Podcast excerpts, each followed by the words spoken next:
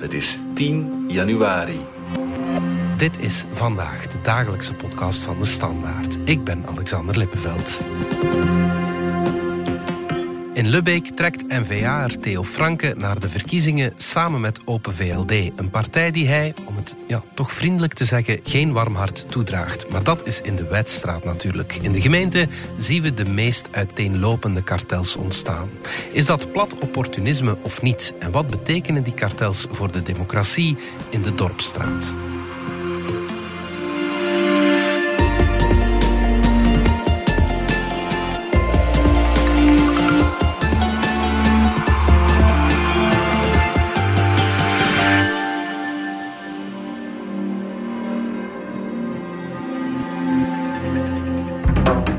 Voor we het over de gemeentepolitiek hebben, nog even dit. Lacroix, Ik was gangster, een podcastreeks van de Standaard, is genomineerd voor de Kastaars. Dat zijn de Vlaamse mediaprijzen. We nemen het op tegen een pak klebbers en we hebben jouw stem nodig om bij de laatste vier te geraken. Stemmen kan op kastaars.be. Je kan natuurlijk ook nog steeds luisteren. Dank je wel alvast. En nu naar Lebeek. Wij zijn de grootste partij. Uh, op een VLD was een kleinere fractie in de gemeenteraad, maar samen gaan we wel degelijk alles op alles zetten, zodat we de grootste fractie zijn. Simon Andries van onze politieke redactie. Ik woon een uh, heel eindje van het Vlaams-Brabantse Lebeek. Jij ook, maar uh, de burgemeester daar, die kennen we allemaal. Hè? Ja, absoluut. Dat is natuurlijk Theo Franken, de ex-staatssecretaris en natuurlijk boegbeeld van, van NVA. Ja, ja, inderdaad. Hij kondigde vorige week aan dat hij voor de lokale verkiezingen van 13 oktober dit jaar samen met Open VLD naar de verkiezingen trekt. Mag ik dat opvallend vinden? Ja, absoluut. Dat denk ik wel. Nu, het is ook uh, onmiddellijk al wel benadrukken dat uh, ze gaan inderdaad als, als kartel naar de verkiezingen of naar die lokale verkiezingen. Maar het is ook wel amper een uh, kartel te noemen, want uh, ik ben nog een keer gaan kijken en de, de eerste liberaal staat er dus op de, de vijfde plaats. Ah ja, okay, ja, ja. de eerste uh, vier plaatsen zijn allemaal voor NVA's. Hm. En de lijst gaat ook niet NVA op een VLD heten, maar dan wel NVA+. Plus. Ah ja, dus okay, op een VLD verdwijnt er wel een beetje van de... tussenuit. Maar het blijft opvallend, die samenwerking tussen Open VLD en NVA op lokaal niveau. Ja, inderdaad. Even luisteren naar wat Theo Franke zei op de persconferentie. Dit is een opname van uh, regiozender ROB. De CD&V heeft ons dat niet gevraagd, op een VLD wel. En dus we hebben met VLD verder gepraat. Uh, maar we besturen natuurlijk zeer goed met CD&V en ik denk dat we dat moeten blijven. Hij was vol lof over uh, Open VLD. Hij zei ook nog, we werken al jaren goed samen met uh, Open VLD in de oppositie. Ze zijn altijd positief, constructief en inhoudelijk belangrijk. En ze spelen altijd de bal en niet de man. Franken zoiets horen zeggen over Open VLD, dat hebben we nog niet vaak gehoord. Hè? Ja, en uh, N-VA in het algemeen, want mm. uh, dan zie je opnieuw uh, onmiddellijk dat de Dorpstraat de Wetstraat niet is. Mm. Als je bijvoorbeeld kijkt naar wat dat de, de quote van Bart de Wever de voorbije jaren was altijd dat hij Open VLD gewoon kapot wilde maken. Ja. Maken ze kapot, Theo? Oei, oei, nou, ze kapot maken in de oppositie. Ja, oké. Okay. En dat zal ook denk ik niet moeilijk zijn, want we hangen bij speug en paktouw aan elkaar. Ik denk dat hij een paar maanden geleden zelfs nog gezegd heeft daarover van uh, ik neem daar geen woord van terug. Het is een verdiende loon. Je kunt kiezers bedriegen. Je kunt ze bedriegen in het kwadraat. En je kunt ze bedriegen in het kwadraat met slagroom erop. Dat is op een VLD. Ja, dat is dus okay. wat dat, uh, Bart de Wever daarover uh, gezegd heeft. Ja, veel minder subtiel kan absoluut niet, denk ja, ik. Ja, ja, Misschien nog belangrijk om daar wel te benadrukken waarop dat, dat terug gaat natuurlijk. Dat is die mm. regeringsonderhandeling van 2019. Mm. Toen wilde uh, Bart de Wever samen met Open VLD en CD&V een soort van Vlaams front vormen mm -hmm. uh, tegen de Franstalige partijen. En ja, we weten allemaal hoe dat het geëindigd is, namelijk in die Vivaldi-regering, waarin dat uh, op een VLD en CD&V, los van NVA, toch in die federale regering ja. zijn gestapt. En uh, ja, bij De Wever ligt dat verraad uh, nog altijd heel gevoelig. En ik kijk daar ook vooral nog altijd naar op een VLD, mm. waarbij dat hij echt nog altijd spreekt over het mes in de rug, georchestreerde aanval.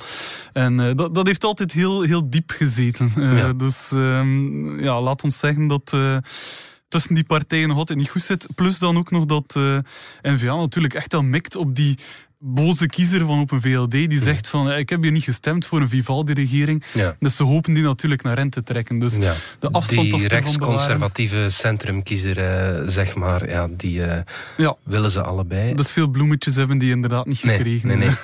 Maar dus, ondanks dat ja, verleden, ziet Franke nu geen bezwaar om eh, die Open VLD'ers aan boord te halen. Ja, toch alleszins lokaal niet, waar dat hij dan eh, zelf zegt, eh, Franken, dat hij heel wat gemeenschappelijke waarden ziet. En hij spreekt zelfs over, hou je vast, een perfect match met de partij.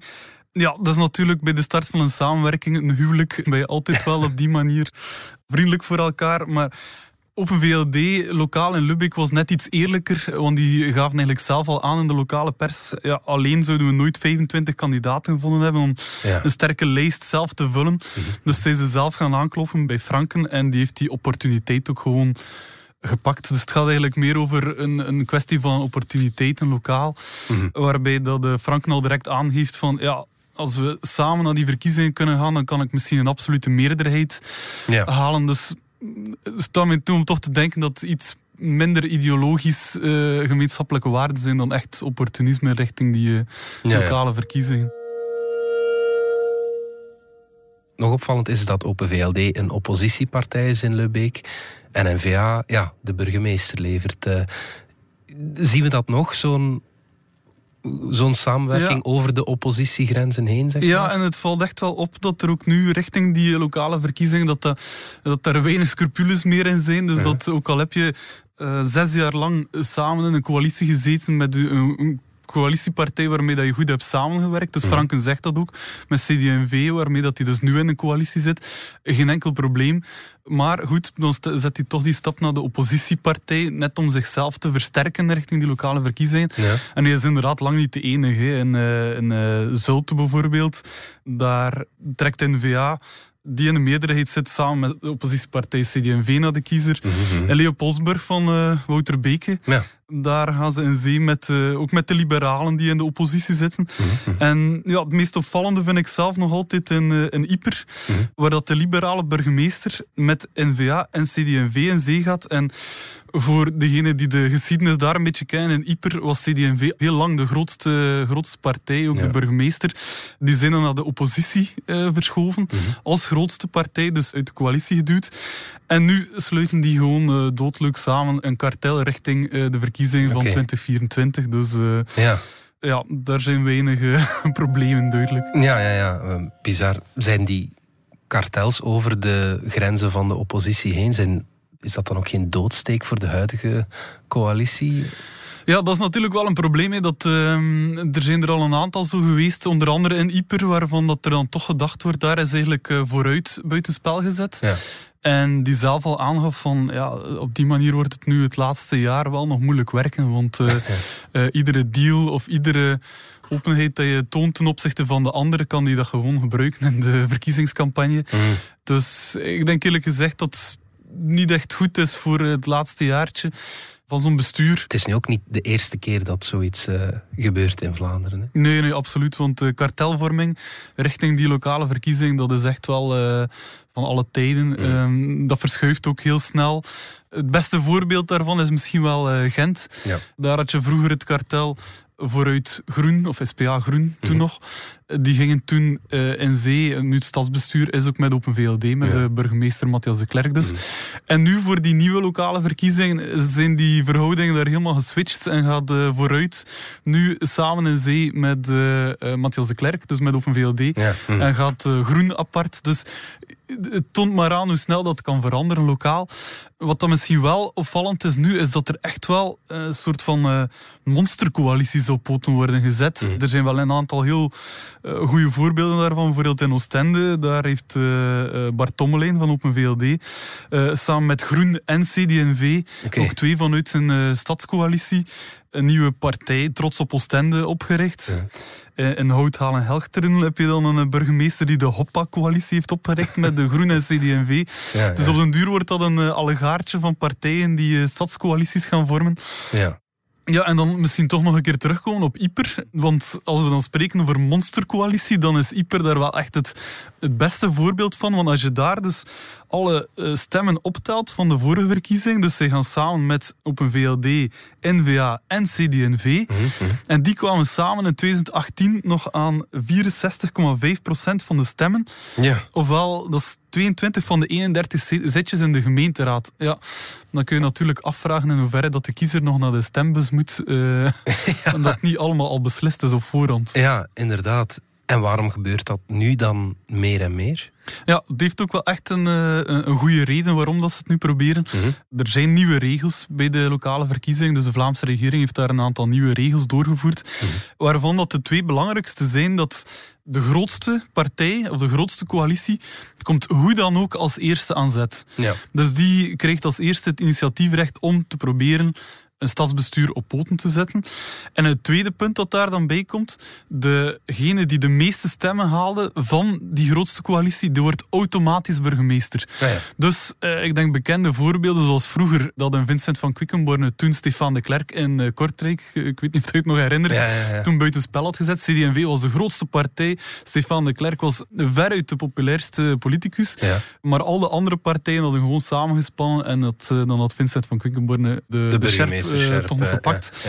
Uh, dat zal nu wel een heel stuk moeilijker worden. En natuurlijk wordt het nu door die nieuwe regels des te belangrijker dat je de grootste wordt, uh, zodat je sowieso je scherp kunt behouden. Ja, ja. Maar goed, dat is natuurlijk nog niet helemaal zeker, want ja, je moet nog een coalitie kunnen vormen natuurlijk, uh, dat wel. Ja, behalve als je natuurlijk als uh, coalitie op voorhand zoveel stemmen, zoals in Ieper, ja, ja. uh, al zoveel verzamelt, dat je een absolute meerderheid haalt. En dat is ook waar dat Theo Franken natuurlijk op mikt door op een VLD erbij te pakken. Gewoon absolute meerderheid en dan heb je zelfs niemand nodig om mee te onderhandelen. Ja, oké. Okay. Straks kijken we verder naar de impact van die ja, stadslijsten op de lokale verkiezingen. Maar eerst gaan we er even uit voor reclame.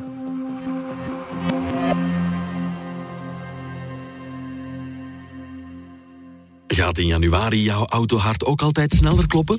Wanneer je wil gaan kiezen en je vooral de beste deals niet uit het oog wil verliezen, kom dan zeker langs op het Hedin Autofest van Hedin Automotive. Je ontdekt er meerdere vertrouwde, maar ook enkele verrassend nieuwe merken. In onze special showroom in Lokeren. Op 12, 13 en 14 januari. Al onze merken geven u onvoorwaardelijk de allerbeste voorwaarden. Meer info op hedinautomotive.be. Hedin Automotive. More for you.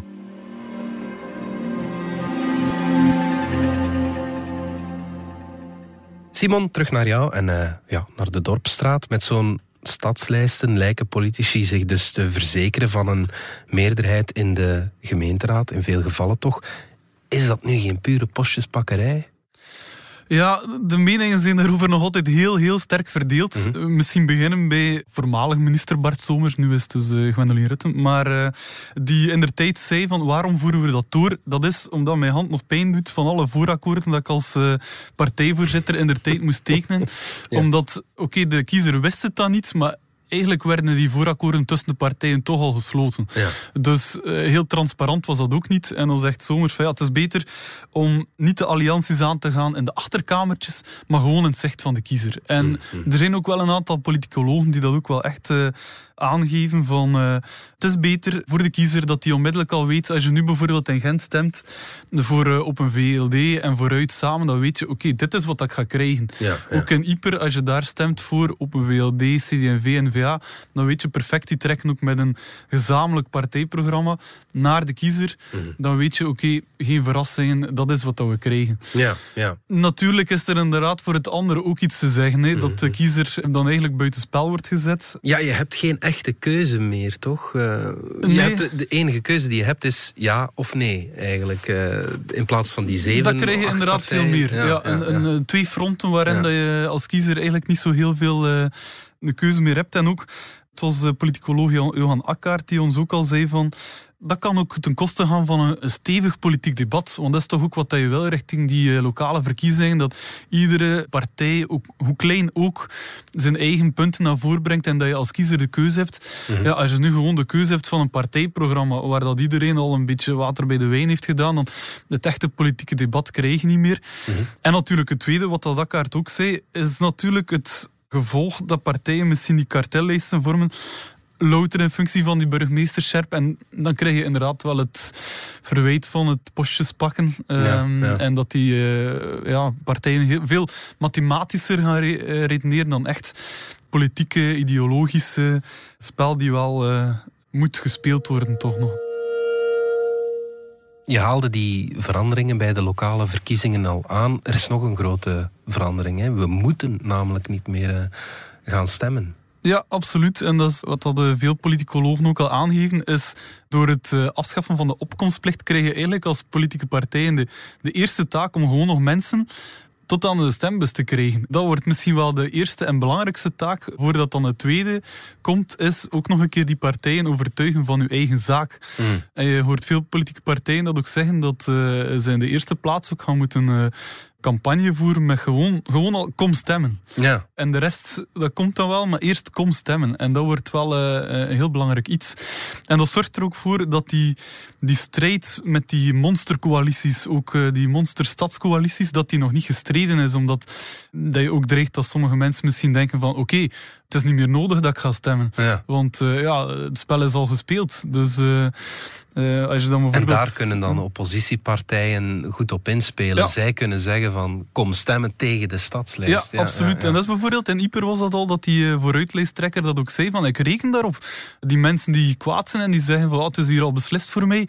En natuurlijk, dat is een veel gemakkelijkere kracht om de verontwaardiging te stimuleren om te gaan stemmen, dan misschien mensen die denken van oké, okay, het komt wel in orde, uh, dan kan ik thuis blijven. Ja, dus uh, ja, ja.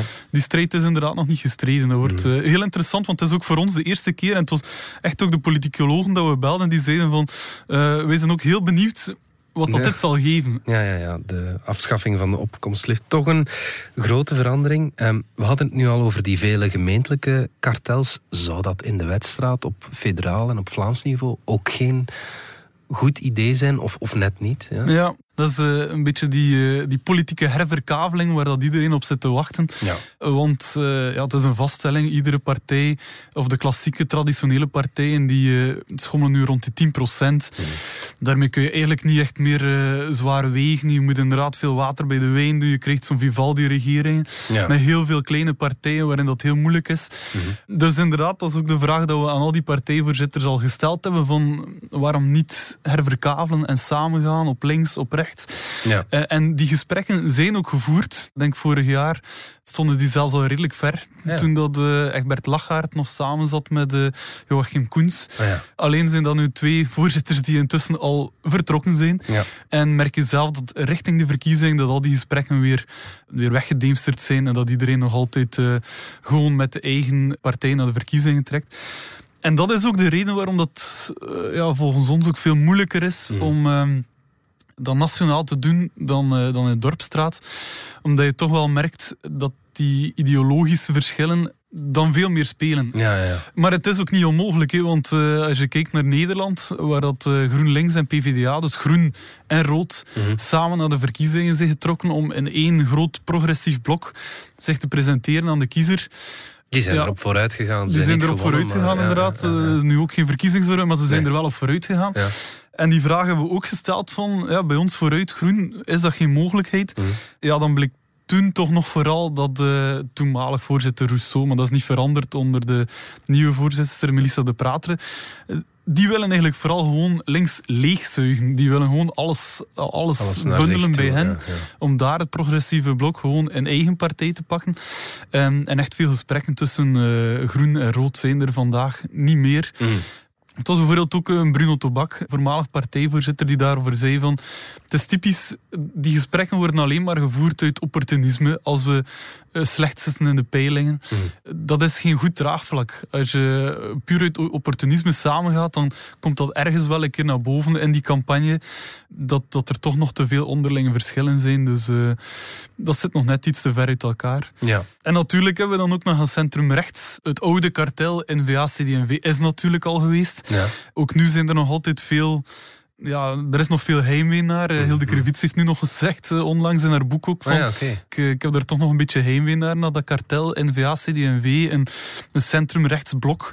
Ook Bart de Wever zegt dat hij eigenlijk liefst van al zo'n breed Brede, centrum-rechts conservatieve volkspartij zou maken. Mhm. Alleen is natuurlijk het feit dat iedereen graag heeft dat dat blok in zijn eigen partij wordt gevormd en niet met de ander. Dus Ja. eigenlijk verwachten we daar voor de verkiezingen weinig verschuiving nog. Na de verkiezingen, dan kan het wel anders zijn. Als je Ja. daar bijvoorbeeld nog partijen die slagen krijgen, dus die echt wel tikken krijgen in die verkiezingen, zoals bijvoorbeeld Open VLD. CD&V, mogelijk, die doen het nu wel iets beter. Ja, dan ga je natuurlijk wel een nieuw gesprek krijgen waarin dat, eh, partijen toch weer misschien eh, die gesprekken gaan aanknopen om weer een eh, steviger blok te krijgen. Maar net voor de verkiezingen denk ik niet dat er veel kans is dat daar Ja. nog veel in verschuift. Dan blijft alles nog even bij het oude. Ja, en vooral ook, ik denk dat welke par- partijvoorzitter wel natuurlijk zijn eigen partij opheft. Dat ligt toch net iets moeilijker, denk ik. Ja, ja, ja. Tot slot nog even terug naar de lokale verkiezingen, Simon. Zie je nog andere kartels opstaan in, in bepaalde gemeenten? Of, eh, Ja, voorlopig denk ik zeker in de grote steden lijken de kaarten geschud. Het meest opvallende is misschien eh, Antwerpen, waar dat iedereen voorlopig nog eh, los van elkaar Ja. opkomt. Maar heel belangrijk om daar misschien nog bij te vermelden, is dat de lijsten, of de definitieve lijsten voor de gemeenteraadsverkiezingen, Mhm. die moeten maar ingediend worden in september. Oké, En we krijgen natuurlijk eerst nog in juni, begin juni, die nationale verkiezingen, federaal en Vlaams. Mhm. En als daar partijen zijn die eh, toch wel wat eh, tikken krijgen, misschien wel een, een desastreus verkiezingsresultaat, eh, of net omgekeerd, die, ja. die heel sterk scoren, dan krijg je misschien een nieuwe dynamiek om nog net die, die laatste maanden voor september dat lokaal een aantal partijen die in slechtere papieren zitten, bijvoorbeeld Open VLD, Mhm. ja, dat die misschien toch nog andere coalities gaan opzoeken dan wat dan nu het geval is. Ja, ja, ja. oké. Goed. Simon Andries, dankjewel. Graag gedaan. Dit was vandaag de dagelijkse podcast van De Standaard. Bedankt voor het luisteren. Volg ons op Spotify, Apple Podcast of eender welk ander podcastplatform. In onze gratis app DS Podcast kan je niet alleen ons werk beluisteren, maar ook de beste podcasttips terugvinden. Alle credits van de podcast die je net hoorde vind je op standaard.be-podcast. Reageren kan via podcast.standaard.be.